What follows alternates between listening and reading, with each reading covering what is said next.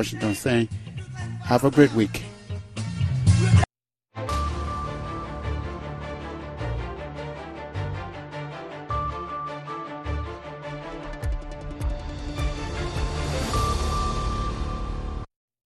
halkani waa washington laanta afka soomaaliga idaacadda v o a oo si toosa idinkaga imaaneysa muwjadaha gaagaaban ee mitirban iyo bogga iyaga v o a somaly com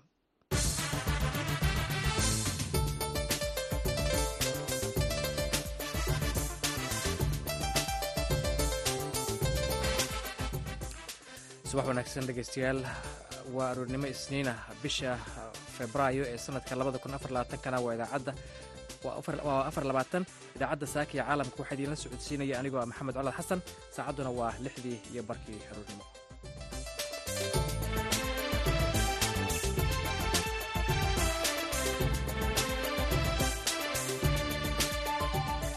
Qodobada aad ku dhegaysan doontaan idaacaddeenna. Waxaa ka mida laba qof oo ku dhintay galbeedka magaalada gibiley ee somalilan kadib markii uu ku dumay god ay dahab ka qodanayeen war dhiilale ayaa runtii naga soo gaadhay deegaanada waqooyiga gobolka gabiley meel u dhaxaysa deegaanada bus duqudhada iyo hadley. Goobaha goobo laga qoday intan u dambeysay macdanaha kala duwanee sida dahabka ayaa waxaa lagu soo wariyey runtii in god ay qodanayeen dad muwaadiniina oo reer gabileya inuu ku dumay waxaa kaloo aad dhegaysan doontaan dowladda soomaaliya oo daha furtay mashruuc cusub oo sare loogu qaadayo wax soo saarka beeraha soomaaliya.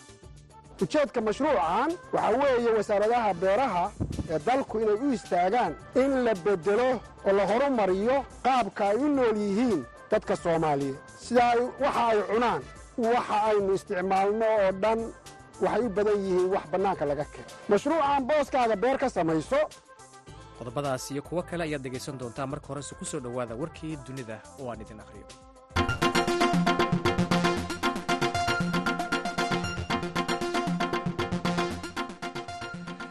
Sida ay mas'uuliyiintu sheegeen nin ayaa xalay dab isku qabadsiiyey bannaanka safaaradda israel ay ku leedahay magaaladan washington. Ninkan oo aan weli magaciisa la shaacin ayaa shaqaalaha gurmadka caafimaadka waxay ula carareen isbital washington ku yaalla kadib markii ciidamada ka mid ah kuwa secret serviceka ilaaliya madaxda iyo diblomaasiyiinta ay dembiyeen dabkii uu ninkaasi isqabadsiiyey. War kooban oo ay madaxda ama waaxda dabdamiska ee magaaladan washington ka soo saartay oo ay soo dhigeen internetka ayay ku sheegeen in xaaladda ninkaasi ay halis tahay. Ciidamada booliska ee magaaladan washington iyo kuwa ilaalada madaxda iyo diblomaasiyiinta ayaa baaris ku haya dhacdan safaaradda israel ayaa xiliyadan dambe bartilmaameed u ahayd dibadbaxyo joogto ah oo iska soo horjeeda oo ku aadan dagaalka israel iyo xamaas ee khaza dibadbaxyadan iska soo horjeeda ayaa maraykanka ka dhacayay tan iyo bishii oktoobar toddobadeedii kadib markii xamaas ay gudaha u gashay israel kuna dishay labiyo toban kun oo qof laba boqol saddex iyo konton kalena ay ku qafaalatay wixii markaa ka dambeeyey ciidamada israel ayaa duulaan ku qaaday khaza iyagoo inta badan magaaladan burburiyey iyagoo dilay sida saraakiisha caafimaadka ee falastiiniyiintu ay sheegeen dad ku dhow soddon kun oo qof. Mas'uuliyiinta daacadda u ah militariga suudan ayaa ishortaagay gargaar ku socday gobolka daarfuur tallaabadaas oo ay aad uga qayliyeen hay'adaha gargaarka iyo dowladda maraykanka gobolka daarfuur oo darislaha dalka jaad ayaa ka mid ah meelaha ay dhibaatada bani'aadnimo sida weyn ugu dhufatay. Tan iyo markii uu suudaan dagaalku ka qarxay muddo toban bilood ka hor ah. Dagaalkan ayaa u dhexeeya ciidamada militariga suudaan iyo maleeshiyada sida militariga u tababaran ee r s f. R s f ayaa ka soo jeeda maleeshiyadii janjawiid ee dhibaatooyinka ka geystay gobolka daarfuur muddo haatan laga joogo labaatan sannadood dagaalka ay kooxda r s f hadda kula jirto ciidamada suudaan ee saaf ee soo bilowday bishii abriil ee sannadkii hore ayaa waxay kula wareegeen afar ka mida shanta magaalo ee ugu waaweyn daarfuur in ka badan lix boqol afar iyo sagaashan kun oo qof ayaa ka gudbay xuduudda iyagoo galay dalka jaad sida ay sheegtay hay'adda caalamiga ah ee muhaajiriinta ee qaramada midoobay ee loo soo gaabiyo i o m.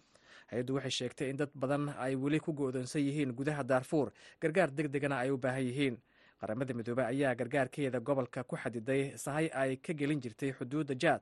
Laakiin sida ay sheegtay w f b toddobaadkii tegey ayay mas'uuliyiinta ciidamada suudaan is hortaageen in gargaarkaasi laga gudbiyo xadka. Afayeen u hadlay wasaaradda arrimaha dibadda ee maraykanka oo la yidhaahdo matthew miller ayaa jimcihii sheegay in maraykanku aad ugu warwarsan yahay go'aanka ay ciidamada suudaan uga hor istaageen gargaarka bulshooyinka ku nool meelaha ay r s f gacanta ku hayso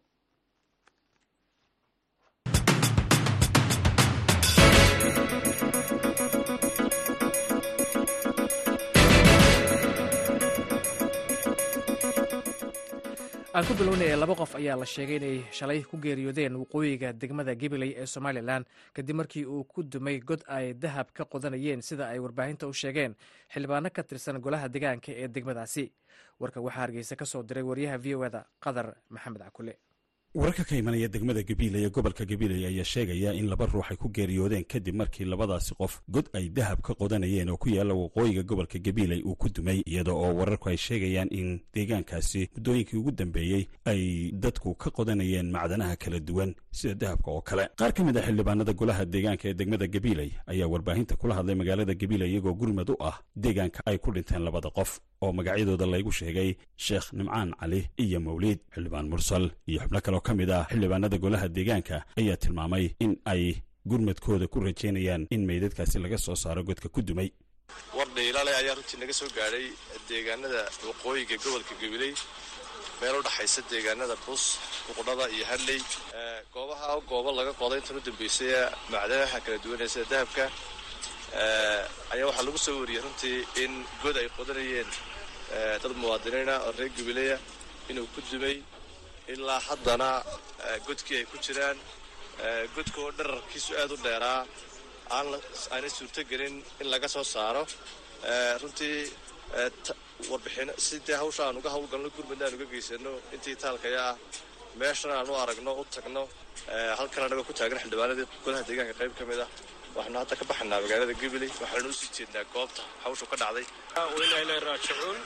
Runtii shilkaa maanta dhacay waa shil naxdinteeda leh oo ka dhacay deegaanka bus laba muwaadin oo reer gibley ah oo runtii muruqmaal aha u shaqaysanayay runtii uu ku dudumay god dahaba ilaa haatanna aan weli la gaadhin runtii dadka deegaanka ka dhow oo u gurmaday waxaa runtii annaguna nahay xildhibaan ahaan inaan u gurmano bal sidii aanu xogta dhabta ah iyo xaaladda wixii kolba laga qaban karo halkaan u gurmano.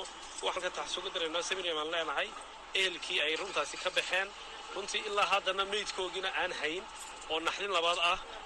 Waxaa maanta la soo sheegay fiidkii in deegaanka la yidhaahdo gari go'aanka iyo yar iyo meesha la ydhaha bus dhexdooda god dahab laga qodayey inay halkaas ku geeriyoodeen laba ruux oo godkaas ku dumay. Imikana la faqayo ilaa saacaddan aan soo jooganana aan meydkii weli la soo saarin. Annaguna golo degaan ahaan waxaanu u gurman doonaa imika halkaas halkaasaanu tegi doonaa imika u baxaynaa waxaananu soo eegi doonaa bal xaaladda ay ku sugan tahay meeshaasi iyo sida looga soo saarayo laga soo saaraynoo loo baahan yahay cagafyo faqa godkaasoo dadka ka soo saara si oo cayd ciidda kala yareeya sidii halkaasi loo geyn lahaa in dariiqa ay u suurtogelayso in cagaftaasi aad dhinaca kale qaar ka mid ah dadka deegaanka oo la hadlay qaar ka mid a warbaahinta gudaha ayaa u sheegay in labada qof ay ahaayeen laba nin oo dahab godkaasi ama macdanaha kala duwan ka qodanayay waxaana dherarka godka ay ku tilmaameen ku dhowaad labaatan mitir inuu hoos u qodan yahay godku. Axmed cabdilaahi waa qof ka mida dadka deegaanka ay dhibaatadu ka dhacday ku sugan. Warbaahinta gudaha qaar ka mid ah oo uu la hadlay ayuu u sheegay inta uu ka og yahay si ay wax u dhaceen. Walaalkeeda deegaanka nagala soo hadlaya waxa weeye deegaanka hadley labada marxuum ee halkaasi ku dhintay dhahay labadoodaba alla u naxariistay waxa lagu orsharay sheekh nimcaan iyo mawlid ilay weli lagama soo saarin waa la sugaya weli. Godkaasi ilaa meelaha dhowr iyo toban mitir weeye waa lagu jira weli haddaasi wax gurmad ah meelo badan oo ka mid ah somalilan waxaa baryahan jiray in dadka deegaanada kala duwan ee gobollada somalilan qaarkood ay macdanaha uu dahabku ka mid yahay ay ka qodanayeen dhul laga helay macdano iyo dahab. Kuwaasoo marar badanna ay dadka qaarkood khatar ku sugteen halka qaarkoodna ay naftooda ku waayeen iyaga oo ku howlan arrimaha qoditaanka macdanaha. Ilaa hadda ma jirto cid mas'uuliyiinah oo ka hadashay si rasmiya hawshan marka laga yimaado xubnaha golaha deegaanka ee degmada gabiiley waxaa iyaduna sidoo kale adag in rasmi ahaan loo ogaado baaxadda hawsha meeshaasi ay u baahan tahay iyo gurmadka loo fidin karo maadaama aanay ka mid ahayn meelaha magaalada gabiile ku dhow ee ay dhinaca waqooyi mastaafo ka xigto. Khadar maxamed cakule v o e hargeysa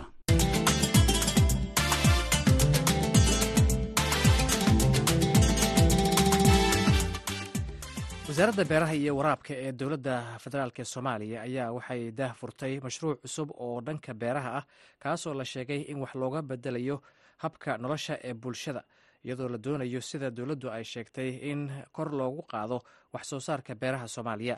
Wariyaha v o da cabdicasiis barrow ayaa warbixintan muqdisho ka soo diray wasiirka wasaaradda beeraha iyo waraabka dowladda federaalka ee soomaaliya maxamed cabdi xayir maareeye oo warbaahinta kula hadlay magaalada muqdisho ayaa waxa uu sheegay inay daah fureen mashruuc cusub oo loogu magac daray booskaada beer ka samayso taasi oo uu ku tilmaamay in loogu talagalay in wax badan nolosha bulshada soomaaliyeed la doonayo in lagu bedelo mashruucan ayaa waxa uu sheegay inuu kor u qaadi doono wax soo saarka dalka islamarkaana bulshadu ay la soo bixi doonto raashiinka iyo weliba qowdka bulshada soomaaliyeed ay ku noolaan doonaan kaasi oo inta badan uu sheegay in hadda laga soo waarido dalka dibaddiisa. Ujeedka mashruucan waxaa weeye wasaaradaha beeraha ee dalku inay u istaagaan in la beddelo oo la horumariyo qaabka ay u nool yihiin dadka soomaaliyeed. Sida waxa ay cunaan iyo waxa ay xidhaan iyo waxa ay isticmaalaan sidaan halkan hadda ku taagannahay kulligood waa wax aynaan inaku aynaan inaku la soo bixin badankooda.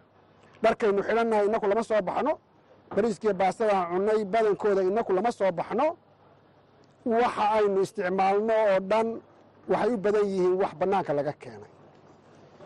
Mashruucan booskaaga beer ka samayso waxaa la doonayaa in bulshada soomaaliyeed gaar ahaan dadka beeralayda ah beeralayda yaryar iyo xoolo dhaqatada sistamka ay maanta u nool yihiin sistem ka duwan loo keeno. Maxamed cabdi xayir maareeye wasiirka wasaaradda beeraha iyo waraabka dowladda federaalka ayaa waxa uu tilmaamay in mashruucan uu noqon doono mid leh laba weji. Kan koowaad ayaa waxa uu tilmaamay in laga samayn doono magaalooyinka waaweyn ee beeraha leh duleedkooda. Haddii uu guulaystana guud ahaan la geyn doono miyiga iyo sidoo kale magaalooyinka kale ee fogfog ee jamhuuriyadda federaalka ee soomaaliya. Mashruucaanu dah furnay wejigiisa koowaad sidaan sheegay waxaanu ku bilaabaynaa magaalooyinka waaweyn agtooda. Baylot project weeye markuu guulaysto ee lagu barwaaqoobona waxaanu geynaynaa baadiyaha iyo meelaha fogfog gobollada fogfog baanu geynaynaa. Qof walba oo soomaaliya waxaanu doonaynaa inuu si si si si raaxa leh oo quudu isagu soo saartay oo caafimaadkiisa og yahay inuu quuto ayaanu doonaynaa waxaanu ku ugu baaqaynaa doorkaas markaa doorna waxa leh dadka dhulka iska leh ama beerta leh ama booska leh. Doorna dowladda leh dowladda soomaaliya madaxweynaha ra'iisul wasaaraha iyo wasaaradaha beeraha halkan taagan.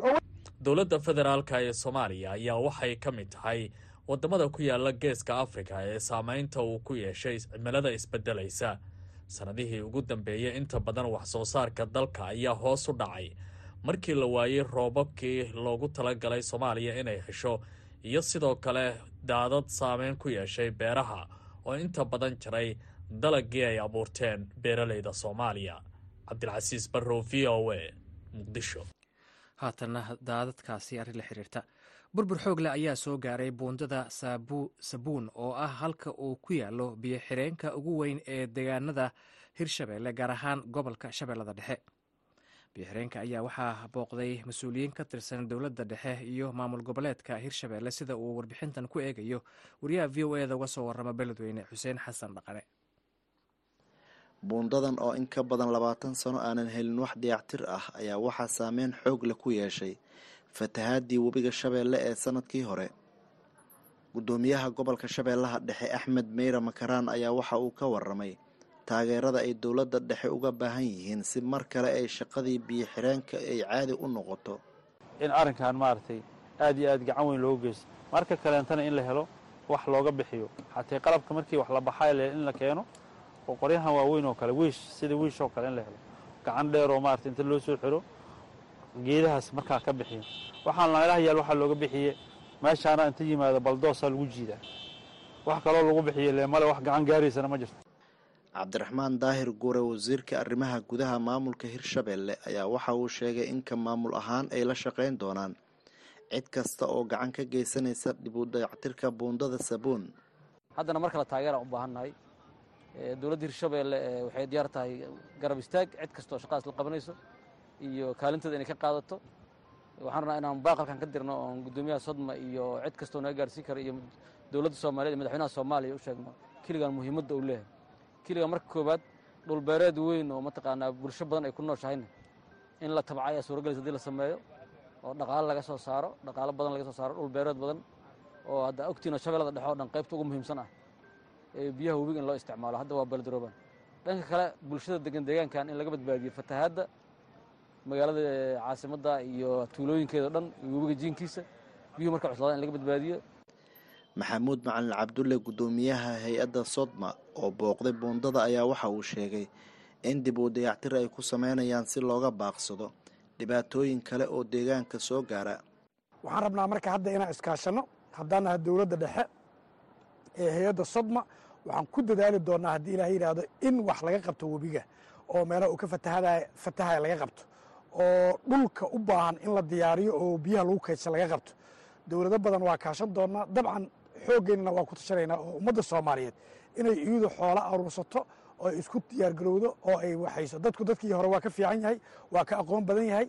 Marka waxaan isku dadaali doonnaa inaan ceeldhaantaasi aan qaadno oon ka shaqayno waxaa dabcan laga rabaa dowladda maamul goboleedka hirshabeelna waxaa laga rabaa waxyaabaha qaarkood marka qaar wax ay dadku abuuraana jiro. In webiga la falo in mataqaanaa ducihiisa la banneeyo in buqaha la gooyo arrintaas waxaa la rabaa in sharci laga soo saaro oo dadka aan loo ogolaanin inay ku dheelaan cid allaale ciddii arrintaas ku kacdane inay consequensi qaadaysaa in laftikeeda ay meesha ka muuqato. Aad iyo aada u mahadsan tihiin waxaan aad iyo aad runtii uga xumahay inaan haddana idiin sheego idinkoo hadda ka soo baxdeen fatahaadii ilniinada oo dayrta in haddana guga uu fatahaad keeni kariyo. Boqol kiiba toddobaatan waxaa laga baqayaa inuu guga fatahaad keeno. Saa darteeda waa ina hadda u diyaar garowno waxyaabaha inuu kugu imid waxaa ka mid ah hadda saacaddan la joogo fatahaado ma jirto. Laakiin fatahaadda nagu soo socotahay xaggee bay nooga imaan kartaa. Xaggee u baahan in mataqaanaa laga neefiyo webiga xaggee u baahan webiga in laga buuxiyo. Waxaasoo inaan ka wada shaqayna haddii ilah yidhahdo aniga diyaaran idiin ahay. In dib u dayactir ay hesho buundada sabuun oo ku taalla duleedka magaalada jowhar waxay qayb weyn ka qaadanaysaa yareynta saameyntii ka dhalan jirtay marka webiga shabeelle uu fatahaad ka geysto qeybo gobolka shabeellaha dhexe ka mid ah. Xuseen xasan dhaqane v o a beledweyne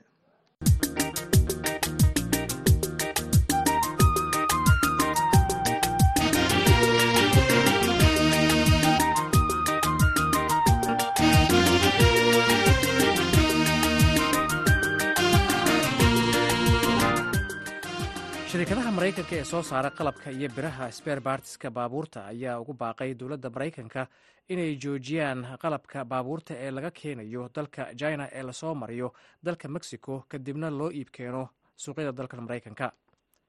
Xiisadda arrintan ka dhalatay ayaa kor u sii kacday toddobaadkii la soo dhaafay. Saare ciidla nuur ayaa inoo haysa warbixin ay v o edu arrintan ka qortay shirkadaha maraykanka ee soo saara baabuurta iyo qalabkooda ayaa sheegay in wax soo saarka shirkadaha jina ay soo maraan mexico. Kadibna suuqyada maraykanka ay ku soo galaan qiimo aada u jaban taasi oo ay ugu wacan tahay sida ay sheegeen in dowladda jina ay lacag ku kabto shirkadaha dalkooda laga leeyahay ee biraha iyo baabuurta soo saara si ay u jebiyaan shirkadaha kale ee maraykanka ee sameeya qalab la mida amaba ka taya roon kuwooda waxaa kaloo iskaashatada shirkadaha maraykanka ee baabuurta soo saara ay sheegeen in shirkadaha jinaha laga leeyahay ay ka faa'iidaystaan suuqyada xorta ah ee waqooyiga ameerika ka jira taasi oo qaybo ka mida warshadahooga ay keeneen gudaha dalka mexico. Si wax soo saarkooda oo qiimo ahaan ka jaban kuwa maraykanka uu soo galo dalka maraykanka. Warbixinta ayaa intaasi ku dartay in shirkadaha jina ee xarumaha ka samaystay mexico ay helaan faa'iidooyinka heshiiska maraykanka iyo mexico u dhexeeya ee isdhaafsiga ganacsiga iyo sidoo kale lacagta cashuur celinta ah ee gawaadhida korontada ku shaqeeya iyo qalabkooda. Midkiiba loo celiyo toddoba kun iyo shan boqol oo dollar oo cashuur dhaafa safaaradda jina ee washington ayaa ka jawaab celisay eedeymaha ay u soo jeedinayaan ganacsatada shirkadaha baabuurta ee maraykanku waxaanay sheegeen in wax soo saarka shirkadaha shiinuhu ay ka turjumayaan tayada iyo fikradaha cusub ee ay mar kasta horumarinayaan warshadaha jaynuhu taasina ay keentay in ay soo saaraan qalab tayo sare sida ay sheegeen qiimahooduna macquul yahay oo ay dunida u iibgeeyaan warka arrintan ku saabsan ayaa maalmihii ugu dambeeyey warbaahinta aada u soo jiitay kadib markii shirkad weyn oo samaysa baabuurta korontada ku shaqaysa oo jayno laga leeyahay. Ay soo bandhigtay qorshaha ay ku doonayso in warshad samaysa baabuurta korontada sida kuwa loo yaqaano tesla oo qiimahoodu aada uga jaban yahay kuwa kale ay ka dhisayaan waqooyiga dalka mexico. Mas'uuliyiinta shirkadda tesla ayaa iyaguna sanad ka hor shaaca ka qaaday in warshad baabuurtooda soo saarta ay ka dhisayaan magaalada leon ee dalka mexico. Bishii oktoobar ee sannadkii tegeyna waxay sidoo kale shirkadda tesla sheegtay in shirkado jiniisahay ay hal bilyan oo dollar ku dhowaad ay ku maalgelinayaan mashruucooda dhismaha warshadda baabuurta ee mexico laga hirgelinayo qaar ka mida mas'uuliyiinta dalka mexico ayaa iyaguna ku doodaya in maalgelinta shisheeye ee dalkooda ay faa'iido badan u keenayso dadka reer mexico. Mudanayaal labada xisbi ka soo kala jeeda oo ka tirsan sharci dejinta maraykanka ayaa xukuumadda madaxweyne biden ku cadaadinaya in baadhitaan lagu sameeyo baabuurta jinaha ee ka soo gelaya dhinaca mexico. Mahadsanid saare ciila nuur oo warbixintaasi inoo soo jeedinaysay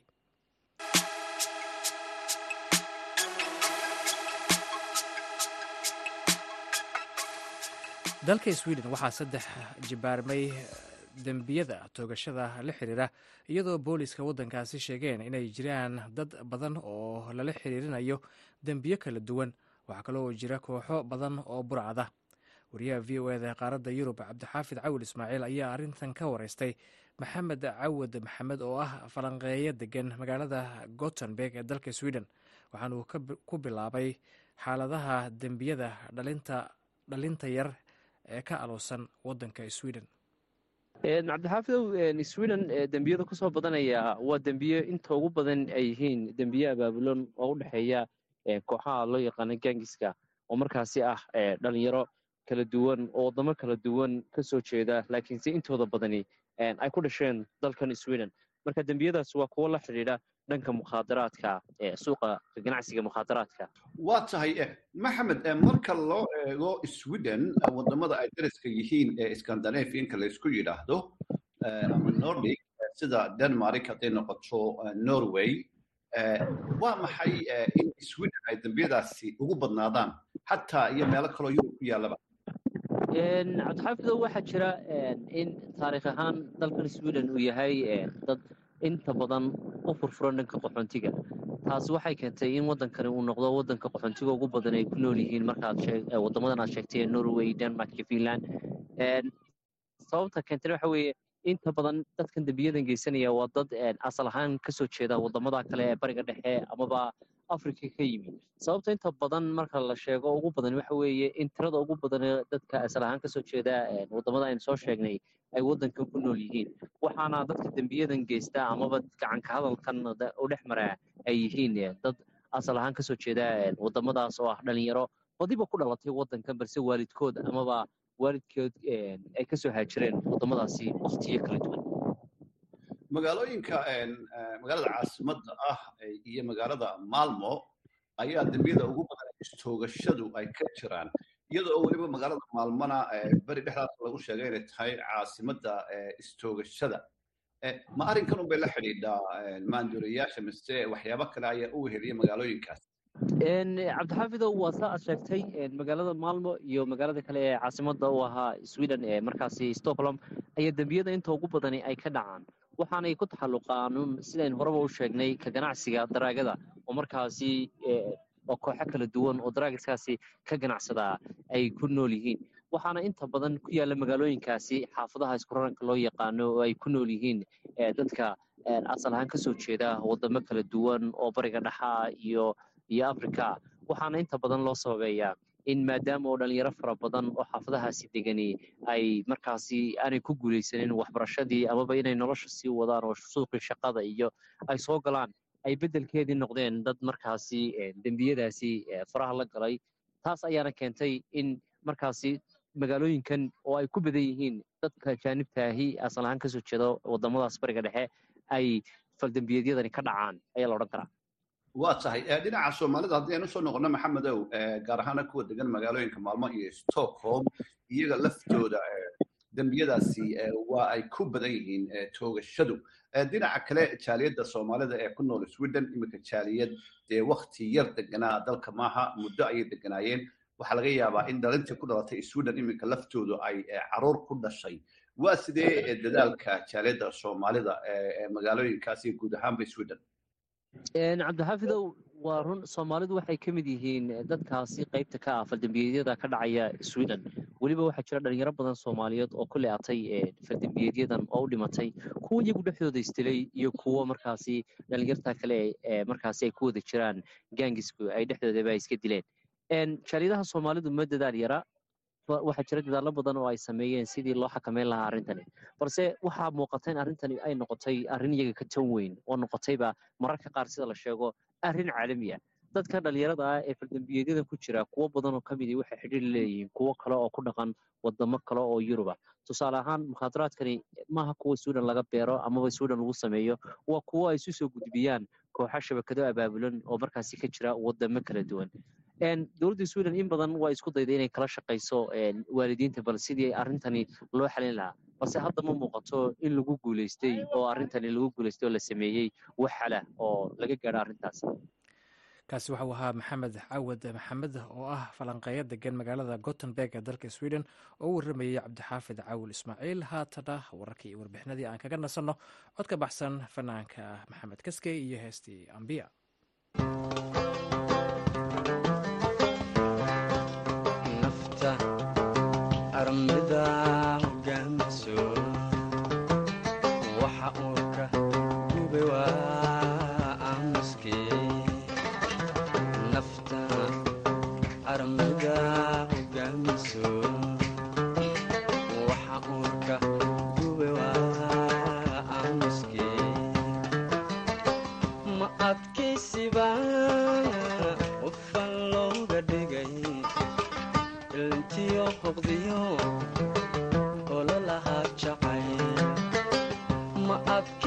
adkaysiba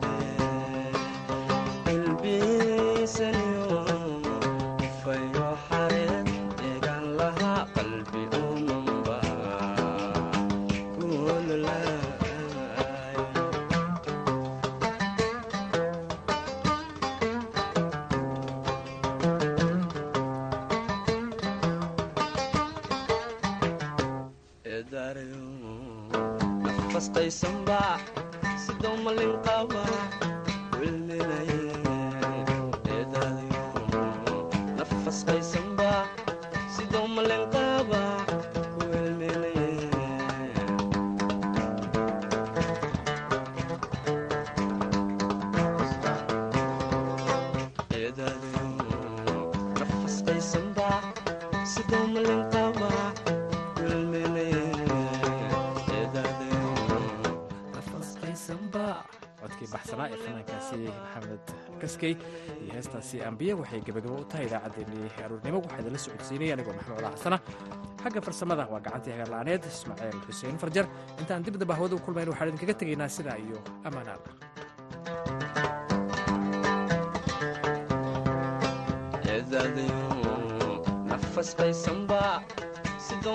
qaba wilminaye nafasqaysanba sidoo malin qaba